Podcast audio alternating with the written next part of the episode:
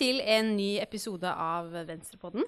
Jeg heter Mona Linseth, og denne podkasten har eh, tatt seg en liten pause etter valget og valgkampen, men er tilbake nå på tampen av året fordi vi er helt nødt til å oppsummere 2021.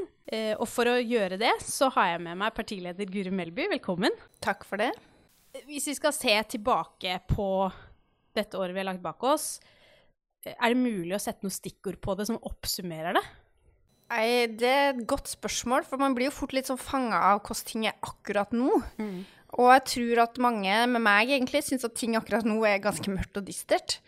Men så har det ikke vært sånn hele året heller.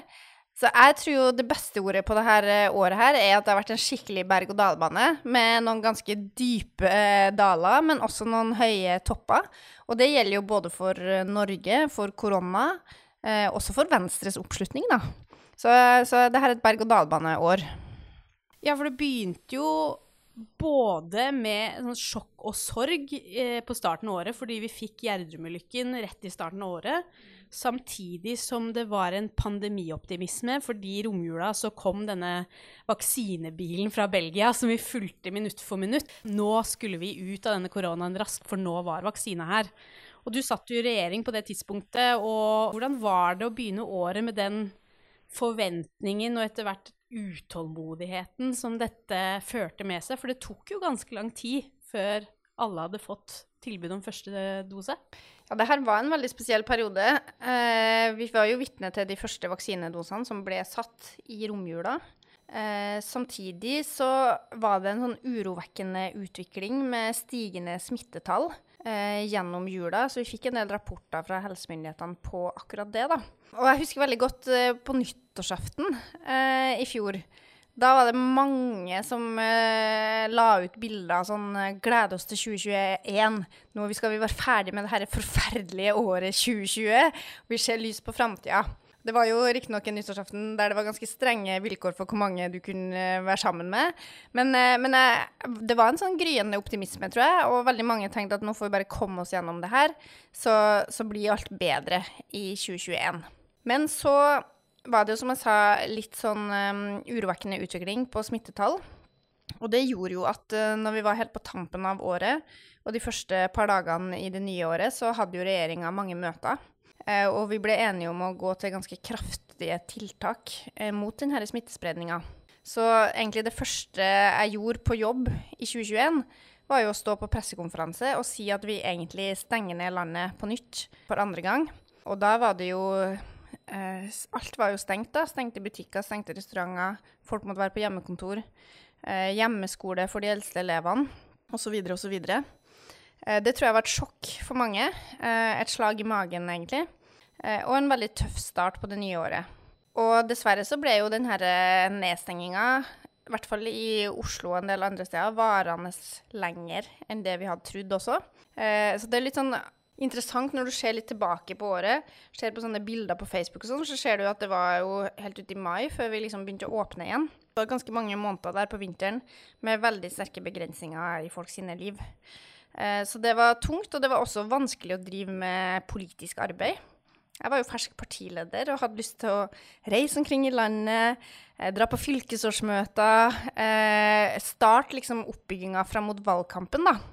og så satt vi der med landsmøte på Thon hotell med to meters avstand og de aller, aller fleste digitalt. så det ble en veldig rar oppladning til det som egentlig skulle være et år med mobilisering. Et år der vi skulle ut og møte folk. Eh, snakke med velgerne, snakke med våre egne folk. Så det ble en tøff vinter og en tøff vår for veldig mange. Apropos denne berg-og-dal-banen, altså føles det jo veldig fjernt ut den situasjonen nå som egentlig hele befolkningen har fått tilbud om to doser, og man er i gang med tredje dose. Men så seint som i april og mai så drev man jo fremdeles av å vaksinerte helsepersonell og risikogruppen. Men så var jo dette herre Det åpnet jo opp og det ga oss noen nye muligheter. Og det er kanskje det som har gjort at det sjokket kom så veldig nå, da, når vi fikk denne nye mutanten omikron, og også på tampen av året må gå egentlig noen skritt tilbake. Jeg, jeg tror jo Jeg tror vi må bare erkjenne at de færreste av oss var godt nok forberedt på hva slags påvirkning en sånn ny variant skulle ha, da. Eh, det er jo lett å si nå at det her har jo alltid ligget der i Folkehelseinstituttet sine scenarioer. Eh, at det kun kom en ny variant som ville føre til nye nedstengninger.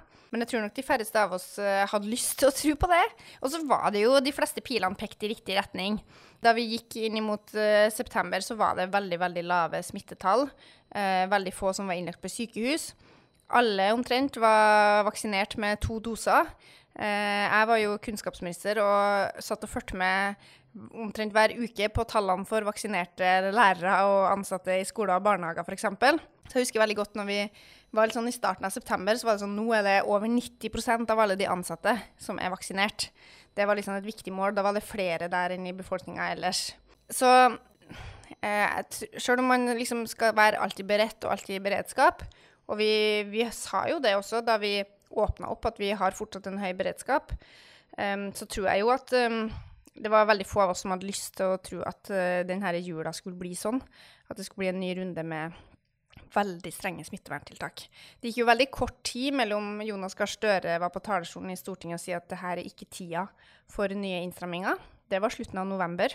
To dager etterpå så kom det de første innstrammingene. Dagen etter der igjen husker jeg at vi hadde vår julelunsj i Venstre. Den hadde ikke kunnet vært arrangert i dag med dagens smittevernregler. Så så det har gått veldig fort i desember. Det kom veldig brått på folk. Jeg mener likevel da, at det er rom for å kritisere regjeringa for ikke å være godt nok forberedt. Fordi at folk flest ikke tenker over det. Uh, og det at ikke alle som driver næring, det at ikke alle kulturaktører har vært forberedt på en ny nedstengning, det er helt forståelig. Men de som har ansvar for beredskapen, skal være litt mer forberedt på alle mulige scenarioer enn det alle de andre er. Jeg syns det virker som eh, de var mest opptatt av å få på plass en regjeringsplattform, forhandle et budsjett som skulle innfri mest mulig løfter eh, som Arbeiderpartiet, Senterpartiet og SV har gått til valg på, og ikke så opptatt av å fange opp hva som egentlig skjedde rundt dem, med både økende smittetall, strømkrise og en del andre ting. Og det bærer jo de siste ukene preg av. Eh, Regjeringa er veldig bakpå med å finne løsninger som gjør at det er mulig for, for folk å leve med disse tiltakene. Men man kan jo også skjønne det også fra at de har sittet i åtte år og venta på å komme til makt, og så får du den muligheten, og så har du en 100-dagersplan, og du har en lang to do-liste, du har så mye du har lyst til å gjøre, og så kommer disse tingene inn fra sida, og vi ser også ikke sant, Kjerkol som sier ja, jo ikke har jo ikke så lyst til å være en koronaminister, du vil jo gjøre en del andre ting. Og det prega jo også din tid som kunnskapsminister. Var det frustrerende at det, det egentlig ikke var helt rom for, for å bruke tid på andre ting? Ja, det er klart at det var det.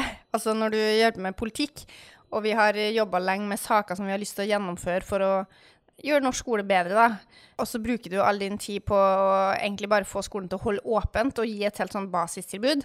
Det er jo ikke det som noen har sett for seg. Men sånn er det jo, da, å lede. Enten du driver med politikk eller andre ting, så må du nå bare ta det som kommer på din vakt. Og så er det jo det at jo bedre du greier å løse en sånn krise, jo mer rusta er du også til å kunne jobbe med dine offensive løfter etterpå. da. Eh, hvis du etterlater deg f.eks. et helsevesen som er helt i kne, så er det mye vanskeligere å gi et bedre tilbud til folk. Hvis du etterlater deg et, en skole som, eh, der folk flykter for at de ikke vil jobbe der lenger, f.eks., så er det vanskeligere å gi et bedre tilbud til elevene. Så det viktigste du kan gjøre som leder, er jo faktisk å greie å overleve en sånn krise. Men det er klart at det er ikke det du gikk til valg på. Det var, det var vel ingen som så det var ikke noen mange partilederdebatter jeg var på der på en måte det å være best på krisehåndtering var det vi ble spurt om. Sånn i etterpåklokskapens lys så burde det kanskje vært litt mer fokus på det. Hvordan håndterer du egentlig vanskelige ting som skjer? Hva gjør du for å skape flertall? Hva gjør du for å være raskt ut med løsninger? For å komme i dialog med folk som blir ramma? Det burde vi nok hatt et sterkere fokus på i valgkampen. Du har tilbrukt veldig mye av tida di i Kunnskapsdepartementet. Hvilke saker skulle du ønske fikk mer plass, som du er uh, veldig stolt av eller veldig frustrert over, som du skulle ønske fikk mer plass i, i debatten enn det det fikk, fordi korona tok så mye plass? Det var jo mange saker som vi jobba med, som vi egentlig følte både at vi gjerne skulle ha fått forankra mer med å reise rundt og diskutert dem med folk, og saker som vi skulle ønske hadde fått mer oppmerksomhet. Eh, en av de største sakene jeg jobba med, var jo fullføringsreformen for videregående skole. Den la vi jo fram eh, i vår. Eh, da hadde jo det verste koronatrykket letta litt. Men vi opplevde likevel at det var mange i skolen som var litt provosert over at vi skulle diskutere ny politikk, når de følte at de sto litt sånn til knes i å håndtere hverdagen. Og det gjorde nok også at den saken kom ut på en litt annen måte enn det vi egentlig hadde håpa. I stedet for å bli en diskusjon om hvordan vi skal få flest mulig elever til å gjennomføre, så ble det noen av tiltakene sett på som en slags provokasjon, da, at man ikke var bra nok i det man gjør i skolen i dag. Eh, så det er klart at eh, jeg skulle jo gjerne ønska å få lov til å jobbe videre med den reformen, og diskutert den med folk i skolen som har overskudd til å tenke på litt andre ting enn det som foregår her og nå, men som faktisk har tid til å tenke på framtidas skole. da, Hvordan ønsker vi at den skal se ut om ti år? f.eks. Så det var, det var, litt vanskelig å greie å liksom løfte det her perspektivene. Og det, det prega nok også litt sånn min tid som kunnskapsminister. Jeg syns jo også at vi fikk gjort en del, da. Eh, som jeg er ganske sikker på at kommer til å prege norsk skole framover. Vi fikk jo faktisk tatt i gang en fornyelse av læreplaner samme høst som vi var midt inne i en pandemi. Det var jo noen i skolen som var litt skeptisk til å gjøre det, til å gjennomføre fagfornyelsen eh, fra høsten 2020, men det var også veldig mange som var innstilt på å gjøre det. Så da bestemte vi oss for at det skulle vi gjøre, eh, for det var en type fornyelse som vi trenger i norsk skole. Som skal bidra til å gjøre skolehverdagen mer praktisk, eh, mer leik for de yngste elevene, mer fokus på dybdelæring, eh, mer tverrfaglig arbeid. En del viktige og overgripende temaer sånn som bærekraftig utvikling, eh, folkehelse, livsmestring. Den endringa fikk vi jo satt ordentlig godt i gang, og den kommer til å prege norsk skole lenge framover. Vi fikk også laga en rammeplan for SFO. Det er jo første gangen, faktisk, at vi har. Og det er heller ikke noe som har fått sånne kjempestore overskrifter. Eh, men det har vært litt artig når jeg har reist rundt og besøkt skoler, og så har jeg ofte møtt folk som jobber i SFO, eller ledere for SFO. Og de opplever nok det her som det største sånn, statusløftet for den jobben de har gjort helt siden vi starta med SFO på slutten av 90-tallet. Endelig så blir det sett på som en del av utdanningssystemet som ikke er bare et sted der elevene skal være, men et sted de også skal utvikle seg, der de også skal lære. Eh, så det er jeg kjempeglad for at vi fikk til. Vi fikk også lagt fram en strategi for kvalitet i barnehage, eh, med mål om å øke andelen barnehagelærere. Så mye av det her kommer jo til å ligge der som viktige forutsetninger for barnehage og skole framover òg. Og så er det jo sånn at politikken er litt brutal. Det er ikke alltid at det var den som satte i gang, som får æren for det. Men det viktigste for oss er nå tross alt at vi får en enda bedre skole og en enda bedre barnehage. Ja, for etter valget så ga du jo stafettpinnen videre til Tonje Brenna fra Arbeiderpartiet. Men hender det liksom du sitter og får avisa om morgenen, leser gjennom og liksom, du begynner å klø skikkelig i ministerfingrene? Eller tenker du at åh, det er litt deilig at det er hennes ansvar nå? ja, det er jo veldig sånn av og på. For det er klart, når det går debatter om skolen da, og hvordan vi skal utvikle skolen, så har jeg jo kjempelyst eh, til å få lov til å være med. Eh, og så må jeg innrømme at når det er debatter som eh, omtrent handler bare om sånn koronahåndtering, skal vi gjennomføre eksamen eller ikke, skal vi ha fraværsgrense eller ikke, så kjenner jeg jo innimellom at det er litt greit å slippe å stå midt i de debattene og bruke tida på det. For det er mange av de debattene som Det er jo ikke noe ideologi, det er ikke noe politikk. Eh, det er bare litt sånn Hva er det som funker her og nå? Og det er argumenter for, det er argumenter mot. Det er ikke noe sånn superenkelt å finne de gode løsningene hele tida. Eh, men akkurat på det området må jeg bare si at jeg syns Tonje Brenna klarer seg godt. Ja, og en annen ting som kommer til å prege dette året veldig mye, helt utenom Kunnskapsdepartementet og, og koronaen, det er jo det åpenbare. Altså det, det var et valgår. Eh, og den valgkampen, den er lang. Den, eh, den, merkes nok mest for folk flest i august og september, men for deg som partileder så, så er man jo nesten i en kontinuerlig valgkamp. Og særlig et valgår, så, så, begynner det tidlig. Som du var inne på, så skulle du gjerne reist mer gjennom våren når det var litt mer nedstengning. Men det har jo vært intensivt. Hva husker du når du ser tilbake på det nå? Ja, valgåret, eh, og sett med sånn venstrebriller, har jo også vært veldig sånn berg-og-dal-bane. Vi starta jo ganske tungt på vinteren. Jeg hadde ikke så veldig gode målinger. Eh, men så opplevde jeg at vi greide å få et sånt momentum rundt landsmøtet vårt. Fikk veldig mange gode debatter i media eh, knytta til behandling av stortingsvalgprogrammet vårt, som jeg syns var bra. da. Det handla om politikk og ikke noe annet. Det handla om eh, nei til oljeleting. Eh, det handla om ruspolitikken vår, dyrevelferd, eh, næringspolitikk, skatt, arveavgift, sånne ting. Eh, så jeg syns vi fikk vist oss fram som et parti som har gode politiske diskusjoner, og som greier å lande det på en god måte. Og så fikk vi et kjempebra program som jeg tror er en av de viktigste grunnene til at det faktisk gikk ganske bra til slutt i valget. Et kortere program, et mer konsist program, som pekte ut en tydelig retning, særlig på klima, på det å gjennomføre det grønne skiftet, på det å bygge kunnskapssamfunnet, men også på den mer varme sosiale politikken, der kanskje rusreform er det tydeligste eksempelet. Så rundt landsmøtet, da vi hadde, og var ganske tydelige i media også, så fikk vi jo et lite oppsving på målingene.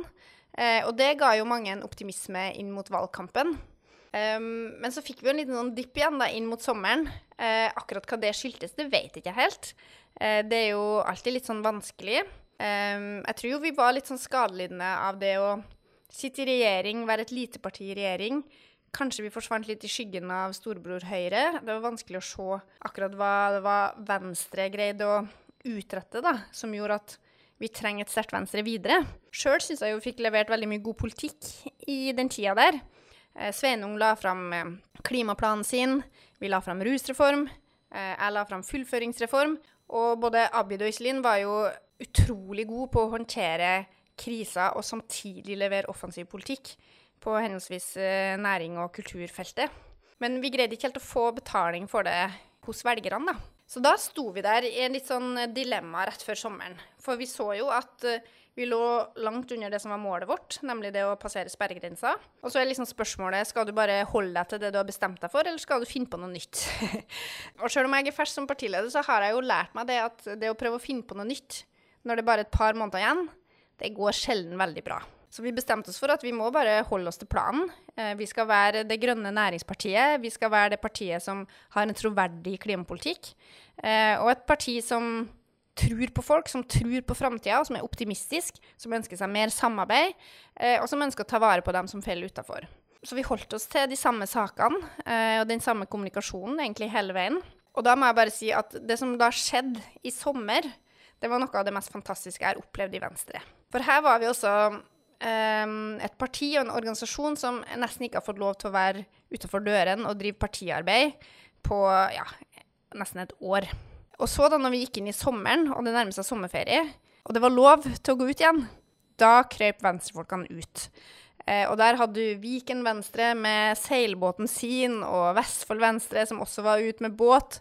Eh, vi hadde venstrefolk i Nordland som gikk på alle postkasser som finnes, omtrent. Eh, over hele landet så så vi en mye større aktivitet enn det vi faktisk har sett midt i ferien eh, i oppladninga til et valg. Og det var egentlig den første gangen jeg begynte å kjenne på en sånn optimisme. For sjøl om det da ikke gikk så bra på målingene, så tenkte jeg at det her, eh, det her må bety noen ting. Det at våre egne folk kjenner denne entusiasmen, og det vises blant andre, det må gi resultater. Så da ble jeg heller ikke så overraska når vi i august begynte å få målinger som krøp litt oppover. Det sies jo ofte at det er liksom viktig å være i, sånn, i rute når Arendalsuka kommer. Og det var vel også da vi fikk de første målingene vi var over fire. Jeg fikk vært i min første partilederdebatt. Fikk vist frem at Venstre har bedre svar i klima- og miljøpolitikken enn det f.eks. MDG har. Så da kjente jeg på at uh, selvtilliten vokste, uh, at det her kom til å gå bra. Og jeg tror det også bidro til å gi enda mer energi til alle de folkene som var ordentlig gira. uh, og jeg har aldri sett så mange breie smil rundt omkring når jeg har reist. Uh, jeg har kanskje tenkt i ettertid at det var en sånn blanding av en sånn lettelse da, av at det her koronagreia endelig var litt over. Endelig fikk lov til å være ute og møtes igjen. Så da kan vi liksom godt stå på stand liksom, og liksom godt stå der og argumentere for Venstre for første gang på utrolig lenge så tror jeg mange også fikk kjenne på at vi hadde en valgkamp i medvind. Og det var det ikke mange som hadde trodd et par måneder før. Nei, Jeg får jo nesten helt sånn frysninger når jeg tenker tilbake på det du snakker om det nå. For det var jo en veldig kul opplevelse å være med på. Men, men det er jo også sånn at du som partileder i en, i en valgkamp, så er jo også litt ditt oppdrag å stå der med all mulig selvtillit og på en måte 'dette her skal gå bra'. Men hadde du perioder hvor du tenkte uff, nå er jeg faktisk litt bekymra, og at dette er litt skummelt? Det var din første valgkamp, og det er jo litt ekstra viktig at man som fersk partileder liksom får satt sitt stempel, at det går bra fra start. Mm. At det må jeg innrømme. At det, det var tider der jeg var usikker, eh, og der jeg ikke var like optimistisk.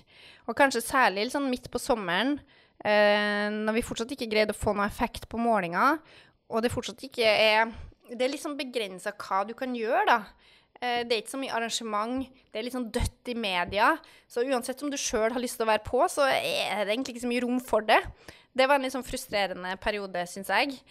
Men eh, det, var, det har jo vært perioder der jeg har levd etter strategien liksom fake it till you make it. og bare stå på ditt og bare eh, ha trua. Og så er det viktig å ha mange nok folk rundt deg som også har trua, eh, og som også på en måte står på strategien, er med og betrygger deg på at det her er riktig å gjøre. Eh, og det var jeg veldig heldig å ha. Hadde veldig mange gode folk rundt meg eh, i valgkampen. Men jeg, og det å gå inn i sånn, sin første partilederdebatt, f.eks. Det er ganske brutalt å gjøre det midt i en valgkamp når så mye står på spill. Eh, de fleste får jo anledning til å prøve seg i litt sånn eh, mindre format på en eh, seerkonferanse eller en eller annen eh, ja, fagforeningsmøte eller et eller annet. Det er jo i et vanlig år så er det jo flere anledninger der partilederne egentlig har den type debatter. Eh, så min debut ble da eh, på Arendalsuka på NRK. Eh, og jeg husker at jeg sprang inn litt sånn i siste liten rett før det skulle starte. Kom rett fra et sånt intervju. Og det var, jeg må innrømme at det var litt sånn surrealistisk. Skal jeg virkelig være her? Hører jeg hjemme i det selskapet her? Men så syns jeg at det gikk bra, da. Jeg syns at uh, Jeg tenkte at uh, ja, de her er jo ikke så skumle. De her går det an å diskutere med. Vi har jo en god politikk, vi har gode poeng. så så gjennom alt som jeg gikk så gjorde, så følte jeg vel egentlig at jeg fikk mer og mer selvtillit, da. Og så Altså, det er mange som snakker om politikere som får sånne sure tilbakemeldinger og mye kjeft. Men eh, jeg må jo også si at du får veldig mange positive eh, tilbakemeldinger, både fra folk, men ikke minst fra venstrefolk. Og all den sånn backinga som jeg har opplevd, eh, både når jeg reiste rundt, men også på Facebook og på mailer og meldinger, det var helt avgjørende for at jeg skulle greie å lykkes med det jeg gjorde, i hvert fall. Men jeg tror Og den første debatten i Arendal, så Jeg syns jo sjøl at det gikk bra, men du vet jo aldri helt. Og så husker jeg når det var ferdig, da, så så jeg liksom litt ut i publikum, og så så jeg Anne Solsvik og Thomas Lien, som var de som var med meg på debatten. Og de var så glad, og de kom springende opp på scenen og sa 'nå er vi så stolt'. Og da liksom, da senka jeg skuldrene, da slappa jeg av. Og så gikk det jo ikke glimrende i alle debatter. Eh, det var litt opp og ned også en valgkamp er berg-og-dal-bane. Eh, det er ikke sånn at det stang inn hver gang. Men det var nok stang inn til at det gikk bra, da. Og vi hadde jo også mm, Når vi sitter i regjering, så sitter vi jo eh, og skal få lov til å legge fram et statsbudsjett. Så vi hadde jo masse positive saker som gjorde at det faktisk var mulig å komme på. Um, vi fikk en kjempefin nyhet midt i valgkampen med endringer i oljeskatteregimet, som virkelig viser at Venstre var med å trekke denne regjeringa i en grønna retning den saken tror jeg var kjempeviktig for oss. Og vi kan også si altså Det var utrolig dumt for saken at Arbeiderpartiet gikk imot en rusreform. Men det var jo også noe som bidro til å vise fram hvor viktig Venstre er da, eh, for å kjempe nettopp eh, for en mer sosial og rettferdig og human ruspolitikk. Um, så det var jo noen ting som gjorde at vi fikk et stort rom egentlig til å snakke om politikken, selv om vi strengt tatt ikke var det mest spennende partiet i denne valgkampen. Veldig lite tyda på at vi skulle få lov til å fortsette i regjering. Gjennom hele valgkampen så var omtrent alle målinger eh, vist et klart flertall for den andre sida. Eh, men likevel så opplevde jeg at vi greide å ta den plassen vi trenger da, for å vise oss fram for velgerne. Ja, og det leder jo egentlig over til et, eh, et, helt annet spørsmål. For nå på tampen av året så blir det jo også litt sånn å se bakover, men ikke minst å se fremover hvilke utfordringer som blir viktige for Venstre inn i det neste året. Og rusreformen er jo nettopp en av de sakene som Venstre nå tar med seg videre fordi vi ikke fikk gjennomslag. Hva, hva ser du for deg som de altså kanskje mest sentrale utfordringene som Venstre må ta tak i i året som kommer? Det er jo viktig nå at vi greier å holde på de sakene vi har vært tydelige på. Eh, og greier å vise dem at vi er et parti som følger opp de sakene over lang tid. Og rusreform er jo et eksempel på det vi har ikke tenkt å gi oss før vi har fått gjennomført en rusreform. Og vi skal gjøre det vi kan, uansett hva slags rolle vi har, for å få en mer human ruspolitikk. Eh, jeg frykter jo at, vi, at også 2021 blir nok et år med rekordhøyt antall overdosedødsfall. Vi vet at eh, pandemien har gjort at mange av dem som har det aller vanskeligst, ikke får den hjelpa de trenger.